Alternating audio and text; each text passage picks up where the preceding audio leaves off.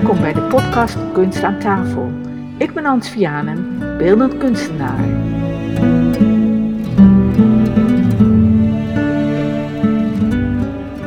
Goedendag allemaal, we zijn hier in het Velites Training Center aan de Drecht in Nijmuiden, onder de rook van Amsterdam. De zwaluwen vliegen langs deze prachtige boerderij. En mijn gast van vandaag is Siska Hartja. Siska is oprichter en eigenaar van het bedrijf Velites Implementatie, Interactie en Leiderschap.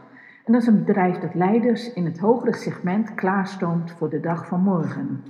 Daarnaast is een jonge down-to-earth verbinder met een ongelooflijke staat van dienst die zich juist in lastige situaties als een vis in het water voelt. Als echt mensenmens werkt zij in uiteenlopende veranderprojecten aan het vergroten van de teamspirit bij bedrijven. Doel is zowel individuele als gezamenlijke doelstellingen te behalen, daarbij ondersteund door wetenschappelijke onderzoeken en analyses. Na vele jaren in binnen- en buitenland gewerkt hebben, voelt zij dat het tijd is de bakens te verzetten en haar dromen waar te maken. Zij wil haar kennis meer verbinden met haar creatieve vaardigheden en besluit spellen te gaan maken voor het bedrijfsleven, volgens de methode van ludodidactiek, waarvoor zij gecertificeerd is, met nog steeds hetzelfde doel voor ogen om het beste uit mensen te halen. De boeken Homo Ludens van Johan Huizinga en De Reis van de Held van Jozef Campbell zijn hierbij nieuwe invalshoeken. Siska vindt het zonde dat de rechter hersenhelft zo weinig wordt ingezet in het bedrijfsleven en heeft zich daarom toegelegd op het maken van spellen die gedragsverandering tot doel hebben. Dan komt de pech. Net op het moment dat de pandemie uitbreekt, rolt haar eerste spel, de President's Speech van de persen. Als de wiede tovert zij het om tot een spel dat ook online gespeeld kan worden. Ook hier komt haar jarenlange binnen- en buitenlandervaring goed van pas. Ik ben benieuwd of kunst hierbij ook een rol speelt in haar leven en haar werk. Maar Siska, ik heb jou voorgesteld. Misschien kan je zelf ook iets eraan toevoegen. Ben ik wat vergeten? Ik hoor het graag van je.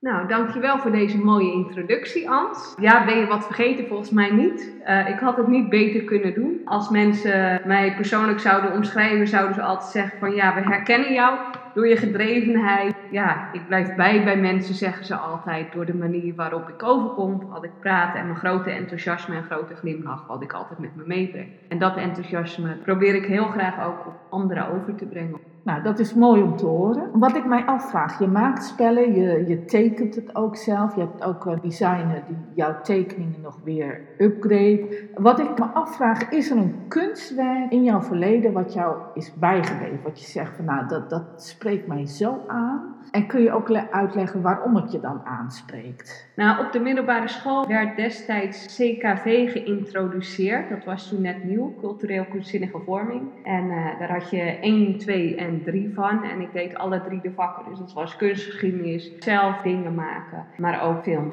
We daarbij om de hoek kijken. En een van de schilderijen die we tijdens zo'n les te zien kregen was de schreeuw misschien voor iedereen bekend, maar op mij kwam het toen heel erg over als iets magisch, maar tegelijkertijd ook iets engs. Je, wil, je wilt weten wat gebeurt er. De ronde lijnen die samenkomen met een onderwerp wat ja, toch ook iets engs in zich heeft, maar ook wel wat heel veel nieuwsgierigheid weer uitlokt van wat gebeurt er daar. Nou, dat heeft mij destijds wel heel erg uh, geraakt.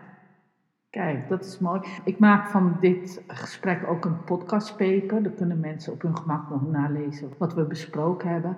En een afbeelding van de schreeuw ga ik daar ook in opnemen, zodat iedereen kan zien waar je het over hebt. Maar misschien kan je hem ook nog even duiden. het is een soort spookachtig iets, zie je in het midden. Een soort wit, ja, ik zeg spook met een grote mond. Dat lijkt een soort als een schreeuw. Daaromheen zie je dan allemaal vlakken van kleuren. En dan krijg je eigenlijk die ronde vormen over iets wat, ja, ja, best wel een beetje intrigerend is als je er naar kijkt. Kijk, mooi. Dan ben ik nog benieuwd, in hoeverre heeft dit kunstwerk, heeft dat ook invloed gehad op het werk wat je nu doet, met het spellen maken? Nou ja, die nieuwsgierigheid, dat is een van de pijlers als je, uh, waar je mee bezig bent als spelontwikkelaar. Je wilt die nieuwsgierigheid bij mensen triggeren. Dus in die zin is daar wel die, ja, kun je dat eruit opmaken van de nieuwsgierigheid, wat de schreeuw triggert van wat gebeurt er en je wilt meer weten.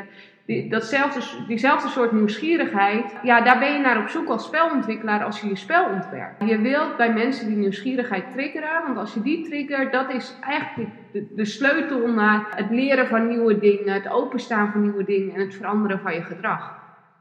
En die schreeuw, want je zegt het is ook wel een beetje luguber, is dat dan ook dat je dat dat ook wel eng is om die sprong in de diepe te wagen. Want je hebt dan een spel ontwikkeld en er kwam die pandemie en dan kon je het spel niet spelen, niet fysiek. Nou, niet op die manier, maar wat je wel ziet is, ik kom bij organisaties, want voor de pandemie speelden we ook al spellen wel bij organisaties.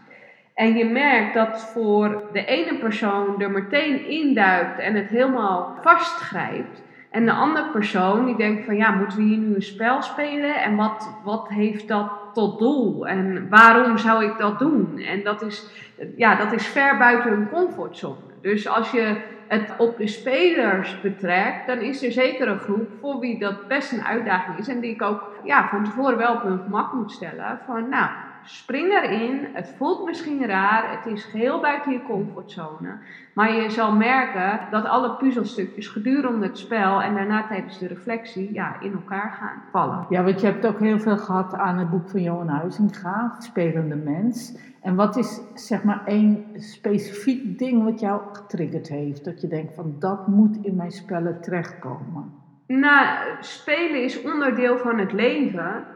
En wat je ziet is als wij als, hoe wij leren als kind zijn, dat is door te spelen en te ontdekken. Maar je ziet, naarmate we ouder worden, komen steeds meer ja, kaders en verwachtingen worden geschept. En ja, niemand vindt vreemd als een kind al huppelend door de supermarkt loopt. Maar dan ga je dat als volwassene doen zonder dat je kind naast je loopt. Dan kijkt iedereen je aan alsof, wat is er met jou aan de hand? Terwijl je merkt, al zou je dat doen, is het heel erg buiten je comfortzone. Maar je krijgt wel een heel goed gevoel erbij. En dat is omdat spelen zo erg, zo erg onderdeel is van ons DNA. En het is zonde dat we dat als volwassen mensen nog steeds doen. We gaan naar de hockey, we gaan naar de voetbal, we doen aan volleybal, et cetera. Maar allemaal binnen de gebaande kaders. En ik vind het een uitdaging om ja, dat stukje ook te doorbreken. En dat is wat ik uit het boek Homo Ludens van Johan Huizinga wel heb gehaald. Dat, dat geeft die extra alvast dat je zegt van ja, dit is wel wezenlijk onderdeel van de mens. En dat maakt niet uit of je kind bent of volwassen. Goed, we hebben het gehad over de herinnering van het kunstwerk en wat dat nu nog van invloed is op je leven. Ik heb hier een stapel kunstkaarten. Misschien wil je er een trekken en even beschrijven wat je ziet. Ik zie zeilbootjes met een blauwe wolkenlucht met her en der een uh, wit wolkje. Ik zie een boom, ik zie, ja, het is eigenlijk een beetje een oud-Hollands tafereel volgens mij. Ik zie een huis, een brug. Boven die brug waar je tegenaan loopt, daar zie je de zeilen van de zeilbootje. Nou ja, wat ik zie is dus een oud-Hollands tafereel. En als ik kijk op de achterkant, dan uh, zie ik dat heet Ten Noorden bij Nieuwkoop. En is gemaakt door Hendrik Johannes Wijzenbroek. Ah, dat is eigenlijk wel toevallig. Want mijn oma die komt uit Noorden. Ja, Wijzenbroek is iemand van de Haagse schoolschilders. Hè. Die kwamen speciaal in Nieuwkoop op de Nieuwkoopse en Noorderse plassen schilderen. En dat is in de gemeente Nieuwkoop. Ze kwamen ze voor, speciaal voor het mooie licht op de plassen. En er wordt nog steeds in september een schilderdag georganiseerd. Dus, maar goed, conform de Haagse school. Conform de Haagse school. Het was toepasselijk, want... Ja, het is toepasselijk, want mijn uh, oma die komt uit Noorden. Die is daar geboren? Ja, die is daar geboren. Het ligt hier ook niet zo heel ver vandaan. Dus ik ben er ook nog, nou heel toevallig vorige week op de Nieuwkoopse plassen ben ik zelf gaan varen tussen het riet door. Nou, hier zie je dan niet het riet, maar wel de plassen. Ja, het is een geweldige omgeving. En uh, ja, ik kan me wel voorstellen dat die uh, schilders van de Haagse school uh, ja, naar dat gebied gingen. Omdat het gewoon een prachtig gebied is. Ook deze afbeelding wordt natuurlijk weer in de podcastpaper opgenomen. Dus dat is ook voor iedereen te zien die de podcastpaper in zijn mailbox wil krijgen. Dan ben ik eigenlijk benieuwd, Siska. Heb jij een goede tip voor de luisteraars die je zelf van iemand gekregen hebt en waar je tot op de dag van vandaag nog steeds veel profijt van hebt?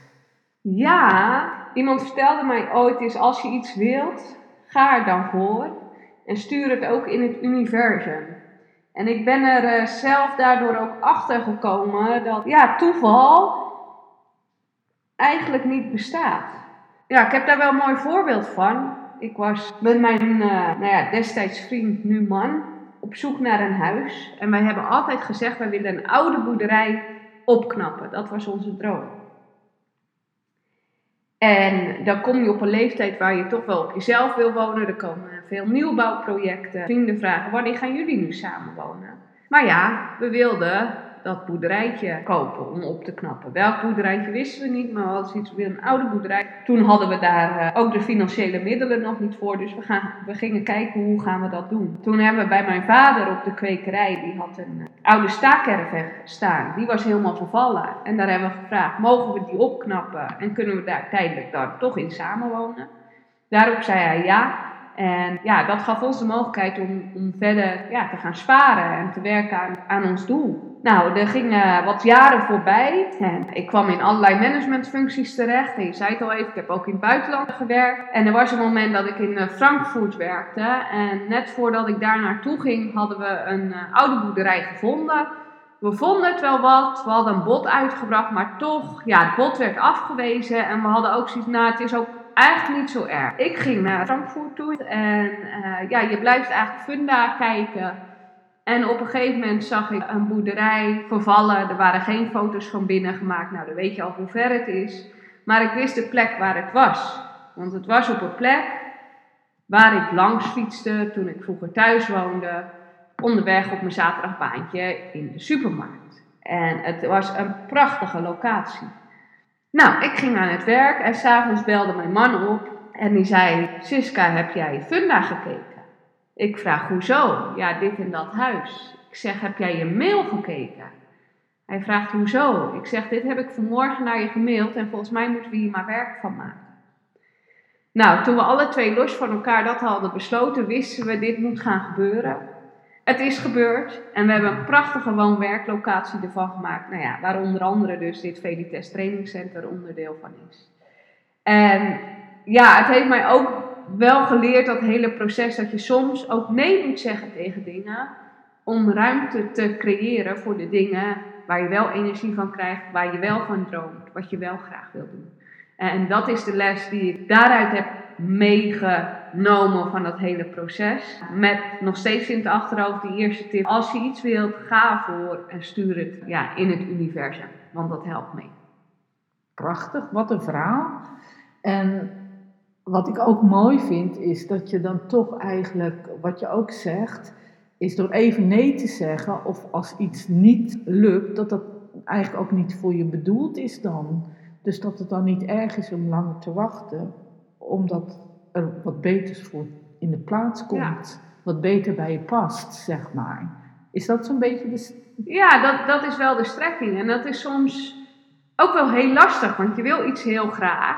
Dan zeg je nee en soms denk ik wel, ja, is dat dan geen gemiste kans? Ik ben van nature iemand die overal eigenlijk ja op zegt en elk avontuur aangaat. Dus ik heb ook heel erg moeten leren van, oké, waar zeg ik dan ja tegen?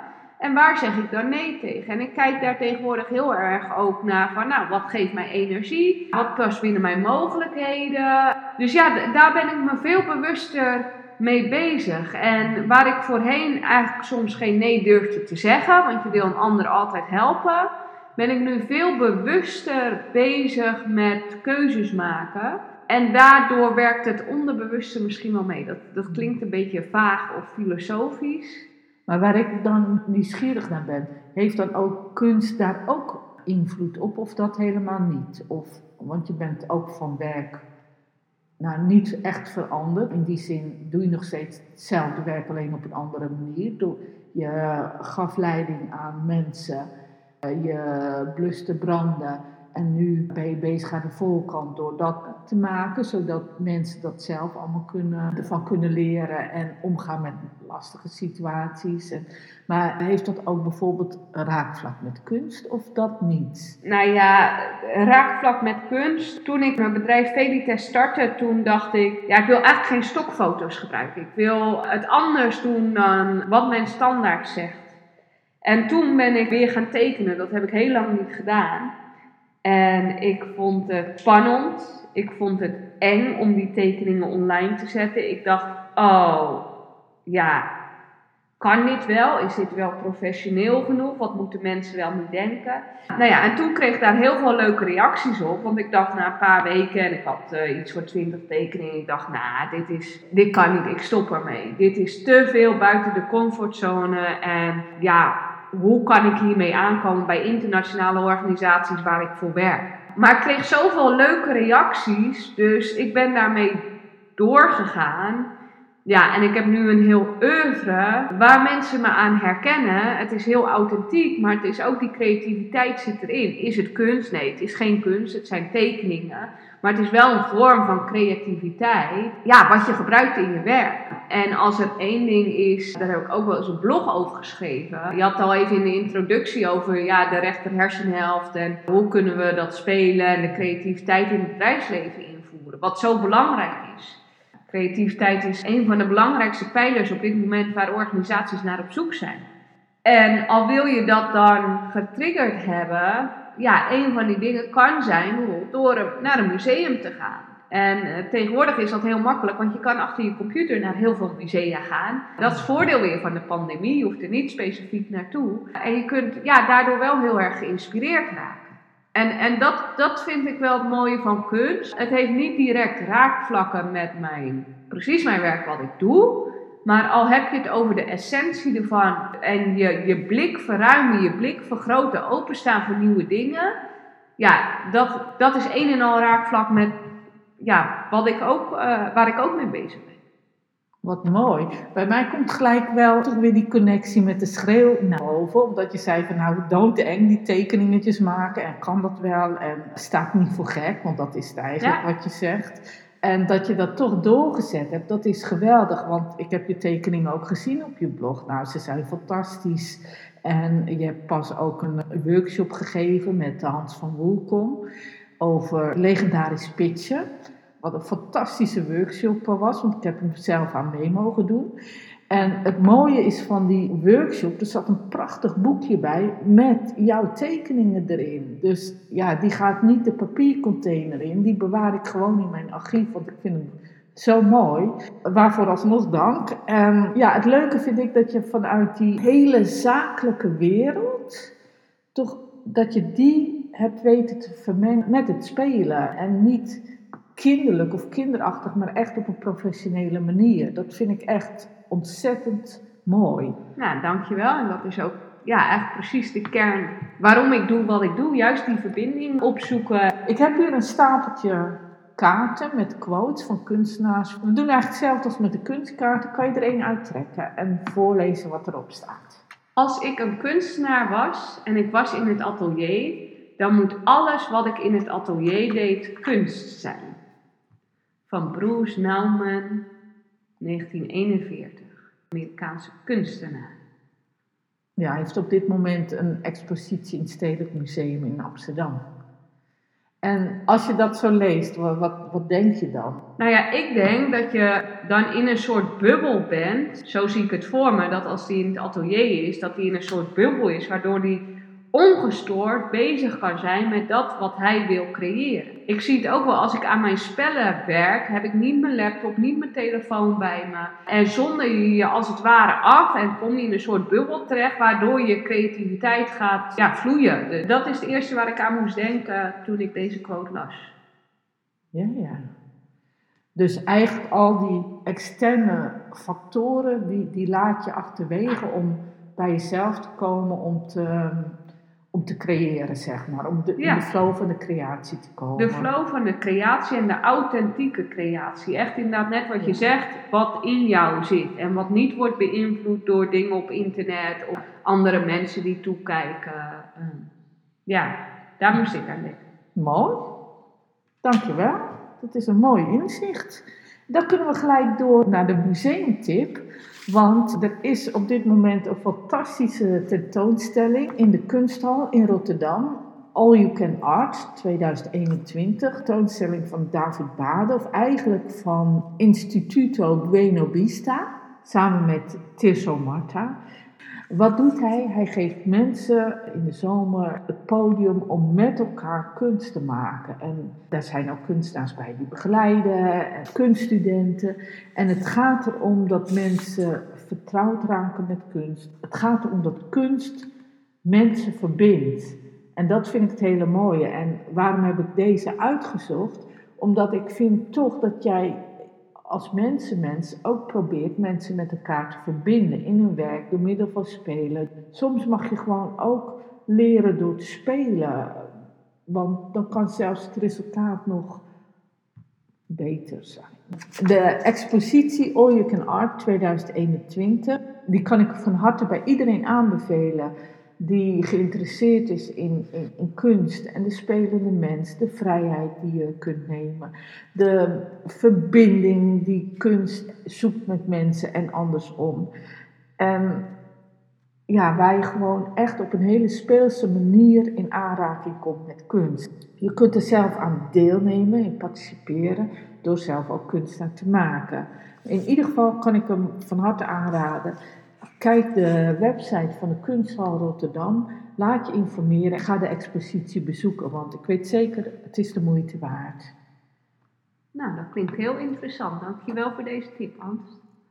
Graag gedaan, Siska. Nou, dan komen we eigenlijk in de afrondende fase van dit gesprek.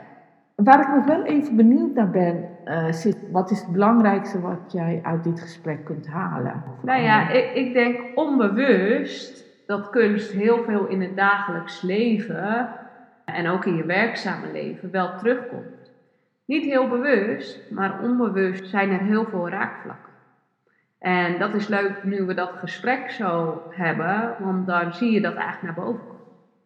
Oké, leuk. Wat mij bijblijft is eigenlijk hoe zo'n afbeelding van de schreeuw in de jeugd, hoe dat toch weer terugkomt in je latere leven. Dat dat toch een. Ja, je bent gaat tekenen, je bent spellen gaan ontwerpen. Wat ik bijzonder vind is dat het zien van een kunstwerk in je jeugd, dat dat toch ongemerkt zo doorcijpelt in je leven.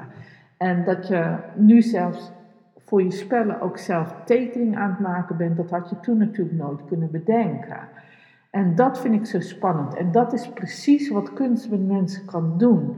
Als je op een gegeven moment oog gaat krijgen of met het kunstvirus besmet wordt, laat ik het zomaar even zeggen, dan ga je steeds meer dingen zien, dan ga je steeds meer raakvlakken zien of je gaat mogelijkheden zien. En dat vind ik het uh, mooie aan kunst. En daarom ben ik ook zo blij dat kunst op mijn pad is gekomen. En ben ik ervan overtuigd dat kunst het leven van de mensen verrijkt. En daar wil ik heel graag mee afsluiten. Dankjewel voor het gesprek, Siska. Ik vond het ontzettend fijn dat je met mij in gesprek hebt willen gaan. Jij bedankt voor je nieuwe inzichten en heel graag gedaan. Leuk gesprek. Dankjewel.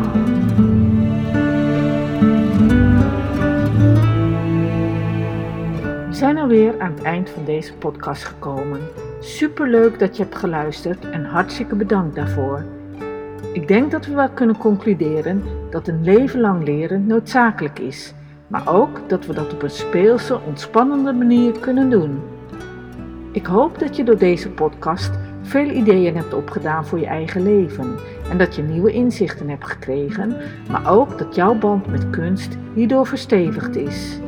Wil je nog meer van dit soort verhalen horen? Abonneer je dan op dit kanaal. Je helpt mij hier enorm mee. Dus graag abonneren. Dankjewel en heel graag tot de volgende kunst aan tafel.